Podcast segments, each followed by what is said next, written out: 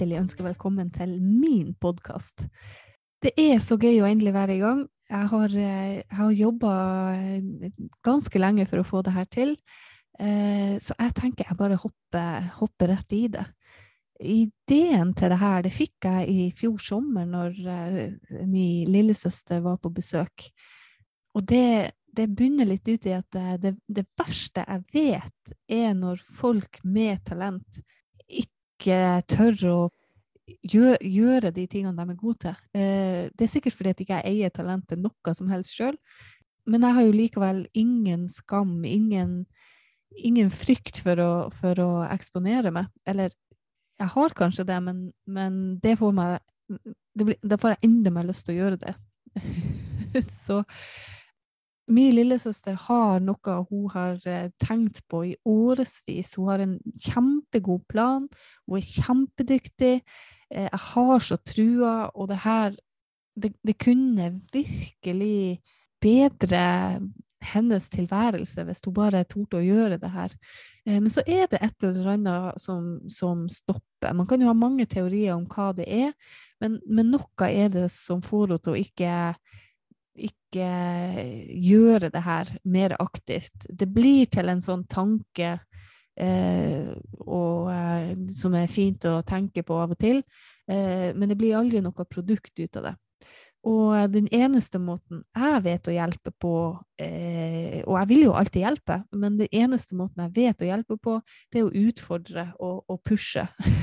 og det er sikkert en kjempedårlig egenskap, men det, det er bare det jeg vet om.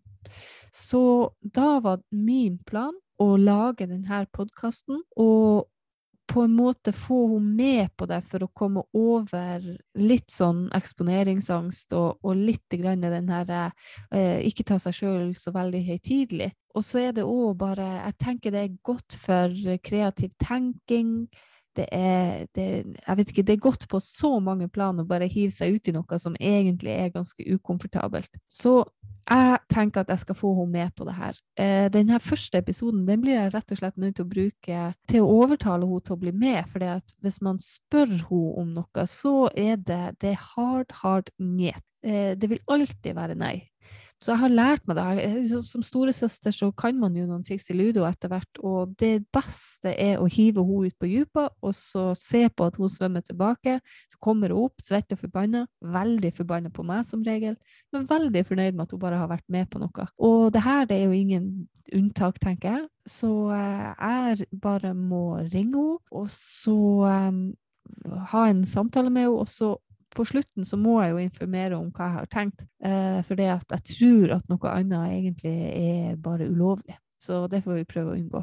Og jeg er helt sikker på at eh, hvis alle de andre gangene over alle årene tidligere har eh, vært noen eksempel, så, så, vil det her gå bra. Jeg vet jo ikke, jeg kjenner jeg jeg er jo bare nervøs. Men, eh, men jeg har trua på at hun blir med når, når hun bare innser at det ikke er så skummelt. Så jeg bare ringer henne, og så eh, får vi bare se hvordan det her blir å gå. Hei, Grace. Hva du gjør Nei, jeg sitter bare her. Jeg har akkurat kommet hjem fra jobb. Og du har, jeg har tenkt på en ting, så jeg har et spørsmål til deg. Ja. Hva du Jaha. tenker er, som er pretensiøst? Ringer du meg på en torsdagskveld klokka halv ti for å spørre meg om hva som er pretensiøst? Ja, hva du syns er pretensiøst? Folk som går med tights uten at de skal trene, f.eks. Har du gjort det noen gang? Ja, jeg har på meg nå, faktisk. Den er grønn. Okay. Nei, jeg tror egentlig bare at det er folk som gir seg ut for å være bedre enn det de er. Det er For meg så er det pretensiøst. Og det går jo både på det her med treningsklær når man ikke skal på trening, og folk som sprer rundt eh, tusenlapper på byen, og så er de egentlig gjeldsslave og sånne ting. For meg så er det pretensiøst. Mm. Hva, hva, har du kommet frem til? Det høres ut som du har tenkt en del på det her. Jeg har lurt litt på det fordi at om ikke, om ikke så veldig mye pretensiøst, så syns jeg veldig mye er flaut. Jeg, jeg, blir, jeg, blir, veldig ofte flau på andre sine vegne. Jeg føler at det er litt feil. Selvfølgelig er det feil. men blir du flau på deres vegne for at du ser for deg deg sjøl i den situasjonen, eller syns du det de gjør er flaut? Ja, jeg tror at det handler om at, at noe som ikke er ekte. For jeg er jo litt sånn her, jeg er jo litt høysensitiv eller, eller sånn, sånn at jeg, jeg, jeg, plukker veldig opp når folk prøver å være noe de ikke er. Ja, da er vi jo enige på det, da. Ja, ja sånn at så skammer jeg meg egentlig. Jeg syns det er litt fælt, for jeg, jeg syns at jeg skulle ha vært veldig mye flinkere å, å heie på folk, da. Og så tror jeg også at siden at jeg er så streng inn Jeg sier det jo aldri til noen. men, men, jeg tenker det veldig ofte inni meg, og så eh, tenker jeg at eh, det gjør jo at jeg også er strengere med meg sjøl. At jeg sjøl ikke tør å gjøre ting, eller ja, at, at jeg legger liksom sånne sterke, sterke bånd på meg sjøl fordi at jeg er redd for at andre skal oppfatte meg på samme måte som kanskje jeg oppfatter andre. Eller noen andre, da. Ja, men jeg tror jo det at altså, et menneske jo, kan jo være mange ting. Ja. Så altså, vi kjenner jo mennesker på en spesiell måte som regel. De kan jo ha flere sider enn det vi ser. Så kanskje plutselig en eller annen finner ut at hei, jeg har lyst til å bli pilot. Så må de jo få lov til å prøve på det uten at man syns det er flaut. Sånt er jo aldri flaut når man, når man, kommer fra en veldig liten plass det, det, var veldig vanlig å stikke seg ut, fordi at alle var jo raringer på en eller annen måte. Alle mennesker er jo raringer. Men eh, det var aldri feil å på en måte stikke seg ut som menneske. Men det å liksom prøve å gjøre noe ut av seg sjøl, det ble jo veldig raskt sånn bare slått, slått, ned med en gang. Men jeg tenker jo det at altså, hvis man har den driven, og man virkelig har lyst til å gjøre noe, så bryr man seg ikke så veldig mye om det. Og kanskje man er pretensiøs, jeg vet ikke. Men uh, hvis jeg plutselig hadde bestemt meg for at jeg skal bli influenser mm -hmm. Jeg skal selge tannbleking, jeg skal selge tights, jeg skal selge sov i ro natt-te til mine følgere. Hadde du da tenkt at jeg var pretensiøs? Nei, men det er det som er Det er det jeg syns er rart. For det at eh, hvis det er noen som er veldig nært, hvis det er noen som er veldig gode venner eller familie eller sånn, så heier man jo på uansett. Men hvis det er noen man kjenner, men som ikke er spesielt nært, så blir man mer skeptisk, på en måte. Eh, hvis man vet om noen som plutselig gjør noe, så, så, så, kjenner jeg at det blir litt sånn her Jaha, skal nå han gjøre det? Uff. Eller da, da, blir jeg litt sånn flau. Ja, men jeg tror, jeg tror kanskje at vi er litt forskjellige der. For jeg har fått den der hos noen veldig nært. Mens jeg har sagt at det skal jeg gjøre. Og så har jeg fått en, liksom en sånn beskjed om at uff, er nå det så lurt? Enn hvis du ikke får det til? Enn hvis du blir en taper? Å, herregud. Og etter det så har jeg bare sagt drit i om han nabofyren syns at jeg er en taper fordi at jeg ikke fikk solgt 50 000 eksemplarer av eh, natt-te. Ja. Bare, så jeg tror at det handler litt om at man får en liten sånn faen i seg når man på en måte møter de fordommene sjøl. Uh, jeg, har vært, jeg har aldri vært redd for å gjøre noe, men jeg tror jo at jeg har vært helt sånn sos altså, sosialt tilbakestående, sånn at jeg har på en måte ikke eh, tatt til meg noe ja, det er faen ingen som torde å si noe negativt til deg heller. For er det noen som sier ifra på en noenlunde overstadig måte, så er det jo du. Men, Men eh, altså, mitt inntrykk altså, Jeg har jo vært superstolt over alt det du har gjort og funnet på og tort å prøve. Hvis du havner i en fase der du føler at du stagnerer, mm -hmm. så får du på en måte en idé og bare ja, det skal jeg gjøre. Og du har hatt mange hobbyer som har vært veldig langt fra hverandre. Enten det har vært at du skal plutselig starte band, eller no, oi sann, nå skal vi padle rundt Irland i kajakk. Altså, det er jo Og det er jo ikke, altså, det er jo ikke billig heller, på en måte, de hobbyene. Så det skal du ha. At du har iallfall gønna på ja, det er det jeg syns er nøkkelen til ting. At hvis man gjør ting fordi at man sjøl bare har lyst til å gjøre det, så er det jo ikke pretensiøst, syns nå jeg. Hvis, Nei, altså, hvis man gjør ting du... bare for at man sjøl syns at det er gøy å gjøre, og fordi at man har lyst til å gjøre noe, uten noe som helst slags tanke om hvordan det blir oppfatta eller mottatt eller hva som helst, da er det jo bare gøy. Men jeg har funnet forskjell nå. At angående det pretensiøse greier, at hvis du da hadde hengt opp en plakat på oppslagstavla i Gamvik med et bilde av deg og bandet som du ennå ikke har starta, og sagt at vi er rockestjerner, vi kommer til å ta over verden, pass dere, vi spiller på kiosken klokka fire. Det hadde vært litt småpretensiøst. Ja, men hvis vi var skikkelig gode, da? Ja, men du hadde jo ikke samla bandet ennå. Det er det jeg mener. at Hvis du da hadde reklamert for det her fantastiske bandet før det i det hele tatt var stifta, så hadde det vært pretensiøst. Når det går dårlig, da er det pretensiøst. Ja, det elsker jo folk. Det er jo bare Så det er jo bare mat. Men hvis du da Altså, det jeg mener at hvis du hadde reklamert for det i forkant, så hadde det vært pretensiøst frem til enten det gikk veldig bra eller veldig dårlig. Ja, men hvis det gikk veldig bra, da hadde det jo bare vært selvtillit. Herregud, du hadde jo kommet til Finnmark Dagblad og alt, du da. Normale folk vil jo da bli flau. Jeg blir jo ikke flau. Jeg tror ikke folk blir så flau heller. Jeg tror bare de jeg, vet, jeg, jeg ville jo ikke blitt flau jeg heller hvis du starta band og det ikke gikk bra. Jeg vet du, du hadde jo syntes det var hysterisk morsomt. Ja, jeg hadde spurt om jeg fikk være med. Jeg elsker jo å være med på ting som er dritdårlig. Jo dårligere, jo bedre. Ja. Men, men, men jeg, altså, jeg leter jo litt etter hva det er, hva det er som gjør at man ikke tør å, å gjøre ting. Jeg tror at det, det har jeg tenkt mye på det her året, faktisk. At altså, vi har jo en sånn her Spesielt når man kommer fra småplasser, så har man en sånn inngrodd skamfølelse i kroppen. Mm. Og det er, jo ikke, det er jo ikke det at jeg er redd for at jeg skal skamme meg for noe, for at jeg driter i det. Men jeg er redd for at folk rundt meg skal skamme seg fordi Mhm. at noe jeg ikke har fått til. Ja. Så jeg ville på en måte ikke tenkt at noe andre gjør er pretensiøst. Det er forresten ikke et ord jeg bruker. Jeg syns jo Mm. bare det er kult at folk prøver. Ja, ja, for du er veldig synes- sånn til å heie på andre, alltid. Ja, det er jo der, der er jeg god. Ja, du er kjempegod, og så har du masse venner som gjør masse også. Ja, som er veldig flink til det de gjør òg. Absolutt. Jeg, mente ikke å si at den var pretensiøs.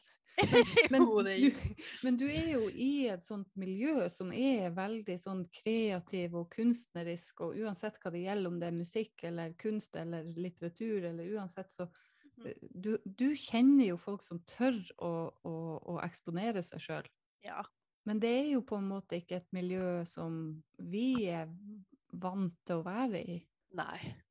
Um, Så jeg vet, jo, jeg vet jo det at hvis jeg hadde funnet ut at uh, jeg skal satse på noe, mhm. så hadde jeg jo fått uforbeholden støtte Ja. fra alle kanter.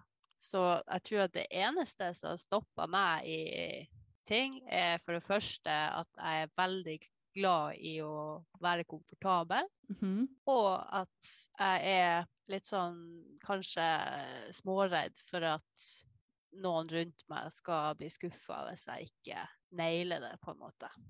Mm. For da får jeg igjen den der talen i hodet mitt. Uff, er du sikker på at du skal gjøre det her? Det kan jo hende at det går til helsike. Mm. Jeg ringte jo eh, nordover. Jeg hadde prøvd å stå Jeg bestemte meg for at jeg skulle lære meg å stå på ski. Dette var jo i forbindelse med akkurat det vi snakka om, at jeg hadde lyst til å prøve ting for å se om jeg fikk det til eller likte det. Og da sto jeg jo da oppe i familietrekket på Voss. Først så var, brukte jeg jo to timer å komme meg opp med skiheisen opp i den forbanna bakken. Sto jeg der, klarte jeg å tryne på tur ut av heisen, og så fikk jeg bare fullstendig frys. Det var ikke sjans at jeg skulle ned med de skiene. Og her kom jo femåringer og bare svingte rundt meg i alle bauger og kanter uten staver og alt mulig. Og jeg sto der oppe, jeg var 30 år gammel, jeg sto i familietrekket på Voss og grein.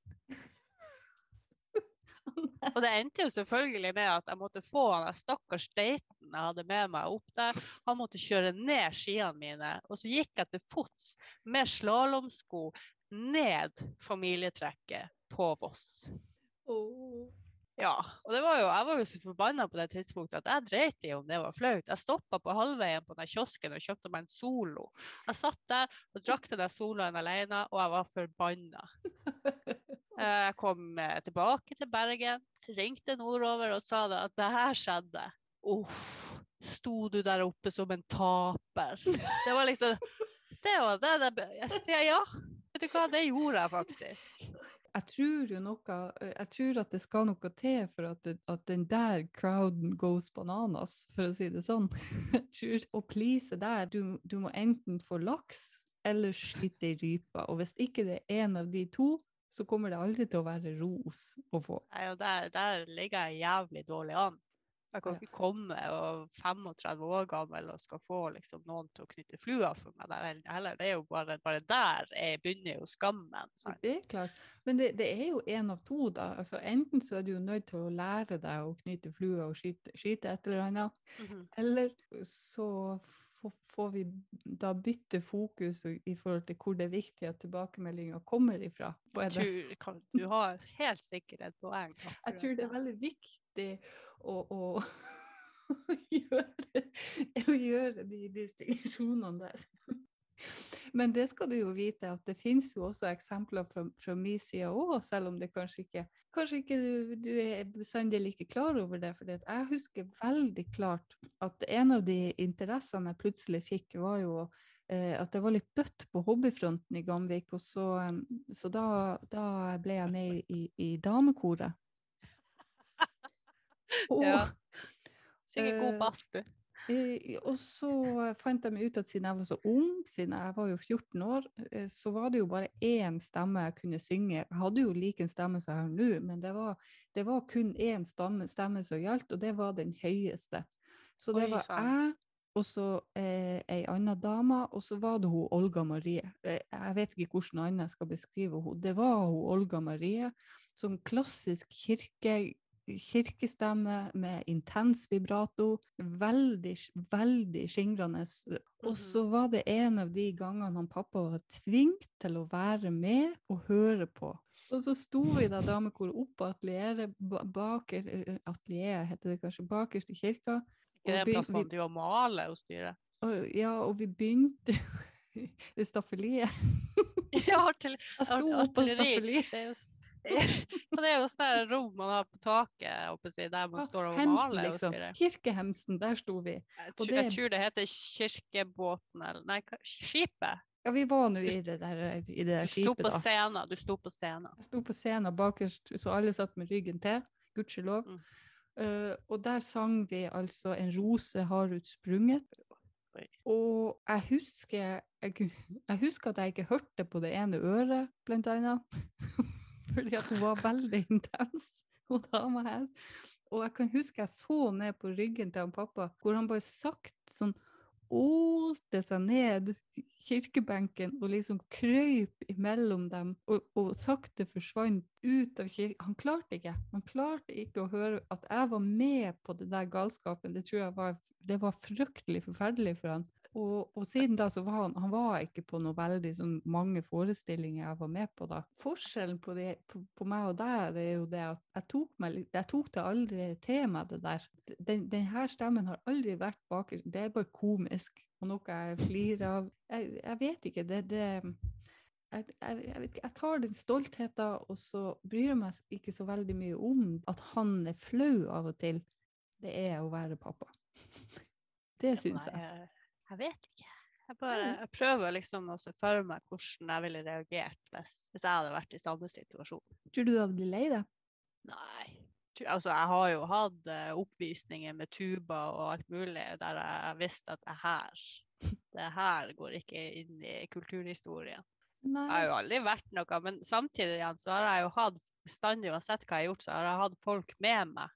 Og jeg har bestandig funnet trygghet i å være en del av ei gruppe fremfor å gjøre ting alene.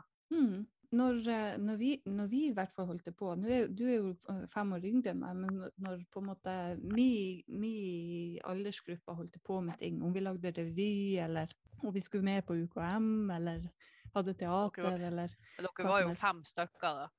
Ja, vi var litt flere, for det var en litt sånn større aldersgruppe enn det. Men eh, når vi gjorde det, så var det jo, det var jo prosessen som, som var gøy. Sluttproduktet var, var jo bare noe vi måtte fremføre. Men Mm. det å liksom møtes hver onsdag og ha skrivemøter og øve og pugge tekst og finne kostymer og lage kulisser og gjøre alle de her tingene, det var jo eh, en fritidsaktivitet. Det var ikke mm det var ikke noe som skulle skyte meg opp, øh, på fart mot stjernene, på noen måte.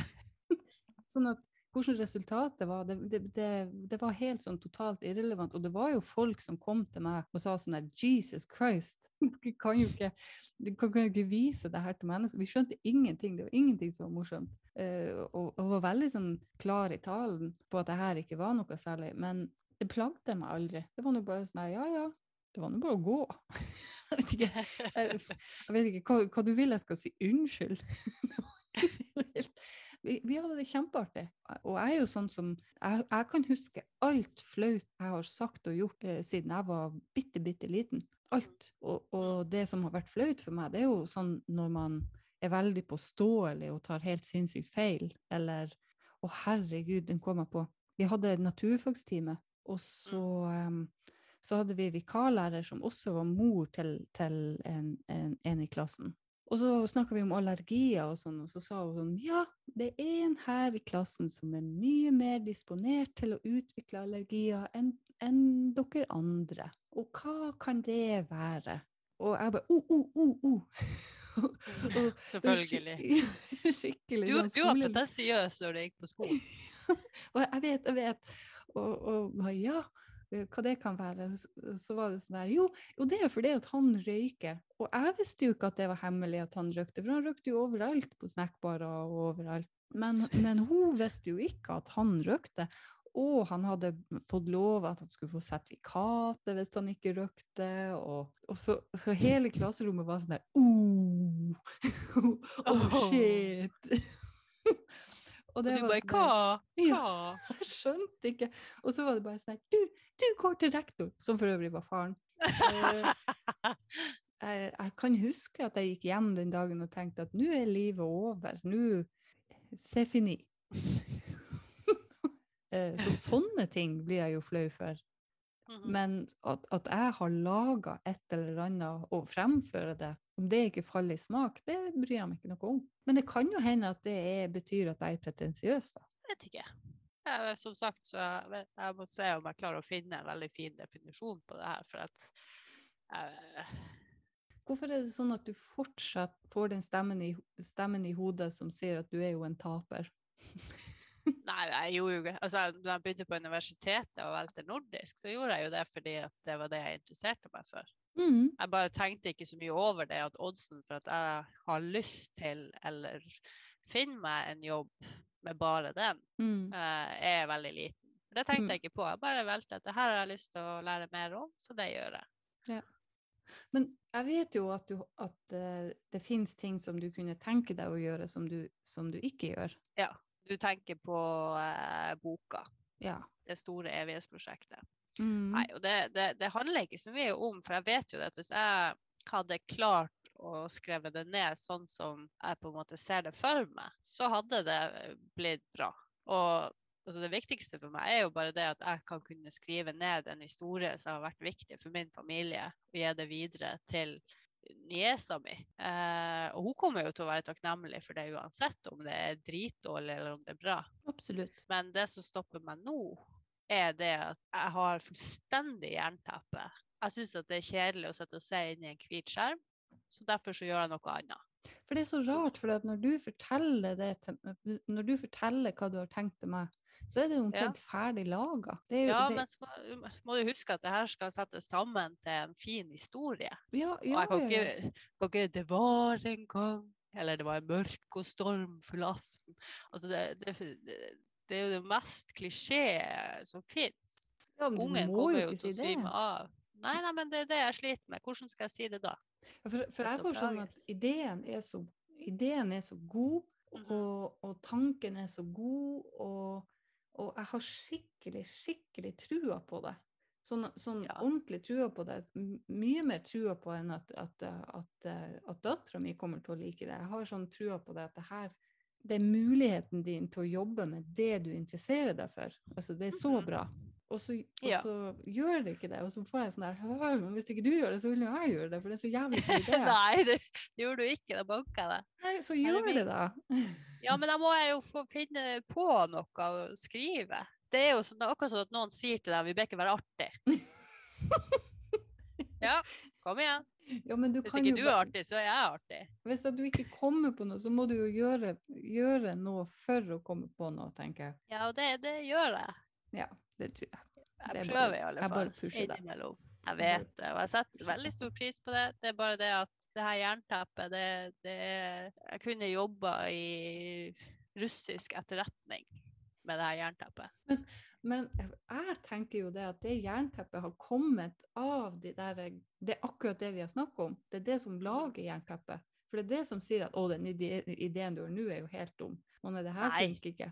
Jeg vet jo at det er en dritgod idé, og hvis det her funker, så kan jeg jo reise rundt og bare bygge på eh, lignende historier og gi ut lignende bøker. Ja, ja. Men hver gang du skriver noe ned, så, så kludrer du Mm. det jo ut for at det er teit. Nei. Ja, ja, ja men det, jeg har ikke bedt om å lese noe. Jeg har jo bare bedt om at du skal gjøre noe. Nei, men det, det er litt sånn som å skrive dagbok, sant. Man har ikke Man vil på en måte ikke Altså, man gjør det for seg sjøl. Ja, Og så Mhm. hadde jeg på den gamle PC-en min så hadde jeg et skriveprogram der jeg kunne liksom legge sånn passordbeskyttelse på den fila. Og det har jeg ikke nå lenger. Så det er liksom sånn Hvem, hvem kan gå inn og lese det? Jeg vet, Å, ikke hvem har, jeg vet ikke hvem som har interesse av å gå og lese intro av et eller annet. Jeg har ikke peiling. Jeg er livredd for å bli hacka alle veier. Barneboka mi er intet unntak. Det er den verste unnskyldninga jeg har hørt i hele mitt liv. Jeg vet.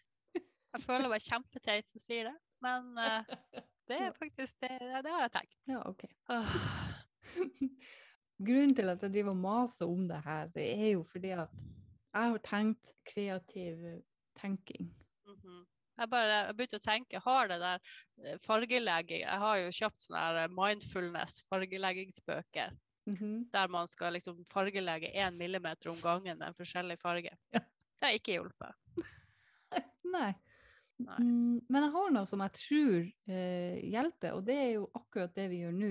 Mhm. Fordi at eh, jeg har nemlig trua på at eh, man har masse sånne her låser. Og jo Ja. flere sånne låser man kan låse opp, bedre er det. For kreativitet og for glede. Mhm. Mhm. Veldig djupt det her. Men, men jeg tror det, og det er derfor jeg bestandig har gjort så veldig mye rare ting. Ja, man er redd for å fly, OK, jeg blir flyvertinne. Eller jeg vet ikke hvordan det er å være lenge på tur, så jeg drar på ekspedisjon. Eller jeg er redd for høyde, så jeg begynner å klatre. Eller jeg vet ikke om jeg har blitt noe bedre menneske, men jeg vet at jeg hadde fryktelig mye mer gøy og hadde veldig mye mer gode opplevelser enn hvis jeg ikke hadde gjort det. Ja, og jeg er jo flink til å prøve å gjøre ting som jeg ikke har gjort før. Men jeg skal utfordre deg enda mer. Så du vet jo at eh, jeg fikk deg til å ta opp det her. Mhm. Og grunnen til det er at når vi var små, hva vi gjorde som var det gøyeste vi visste å gjøre i lag, det eneste vi kunne gjøre i lag når vi var små. Vi lagde, vi lagde radioprogram. Yes, og, og, og det var dobbel kassettspiller, og vi hadde værmelding, vi hadde Ja. sport. Jeg leste opp pappa sine tippekuponger. Hvem er de det? der Skade? Jeg har aldri hørt om Skade før. Ja, jeg husker det det. er Leicester. Le Lester. Ja, jeg vet det. Men jeg, jeg husker jeg sa det. Chelsea, Leicester, eh, helgardering. Rolig helgardering. Ja, men det var som pappa sin kupong. Det var sporten, og det var veldig mange kuponger, så det ble veldig langt radioprogram. det var Bonhjem, tippekupong, været, som stort sett vi Altså, i Finnmark så er det jo to typer vær. Og jeg tenkte at det her, det syns at vi er gøy. Så derfor så har jeg bedt deg om å ta det opp. Skal jeg, jeg skal legge det her ut. Det her er litt pretensiøst, Vibeke. Ja, men er ikke Altså, det vi- deilig? Altså, vi er, vi er jo ikke noe Harm og Hegseth eller Nei, men poenget er jo at vi har jo aldri lata som at vi er det heller. Ja, vi vi- begynner å komme, vi begynner å nærme oss nå. Et eller annet skummelt noe. Nei. Pappa, vi har starta radioprogram.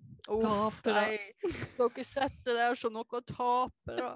Herregud, jeg tør ikke å gå på butikken. Jeg tror at det er godt for deg og meg. Ja, altså, det kan godt gjøre det, men det er jo begrensa på hvor mye jeg har å snakke om. Det er òg veldig begrensa på hvor mange som kommer til å høre på det, så det er jo greit. Og tør du? Får jeg Ja, lov? altså, jeg jeg har ikke noe å tape på det. Så bra. Det passer veldig fint, for det er ingenting jeg liker mer enn å drite deg ut. Ja, altså, det Jeg er så fornøyd. Tusen takk, søs. Ja da. Nå skal jeg legge meg ned i fosterstilling og tenke på sommeren. Jeg føler neste tema, det er hva det heter, narsissisme. Hva, hva, hvor går definisjonen på narsissisme, egentlig? Jeg tror jeg har svaret. Veldig bra. Vi skal ikke, vi skal ikke ringe Jenny Jensen og høre om hun har lyst til å spille inn soundtrack til oss også mens vi er i gang. Kari Bremnes! Kari Ha det.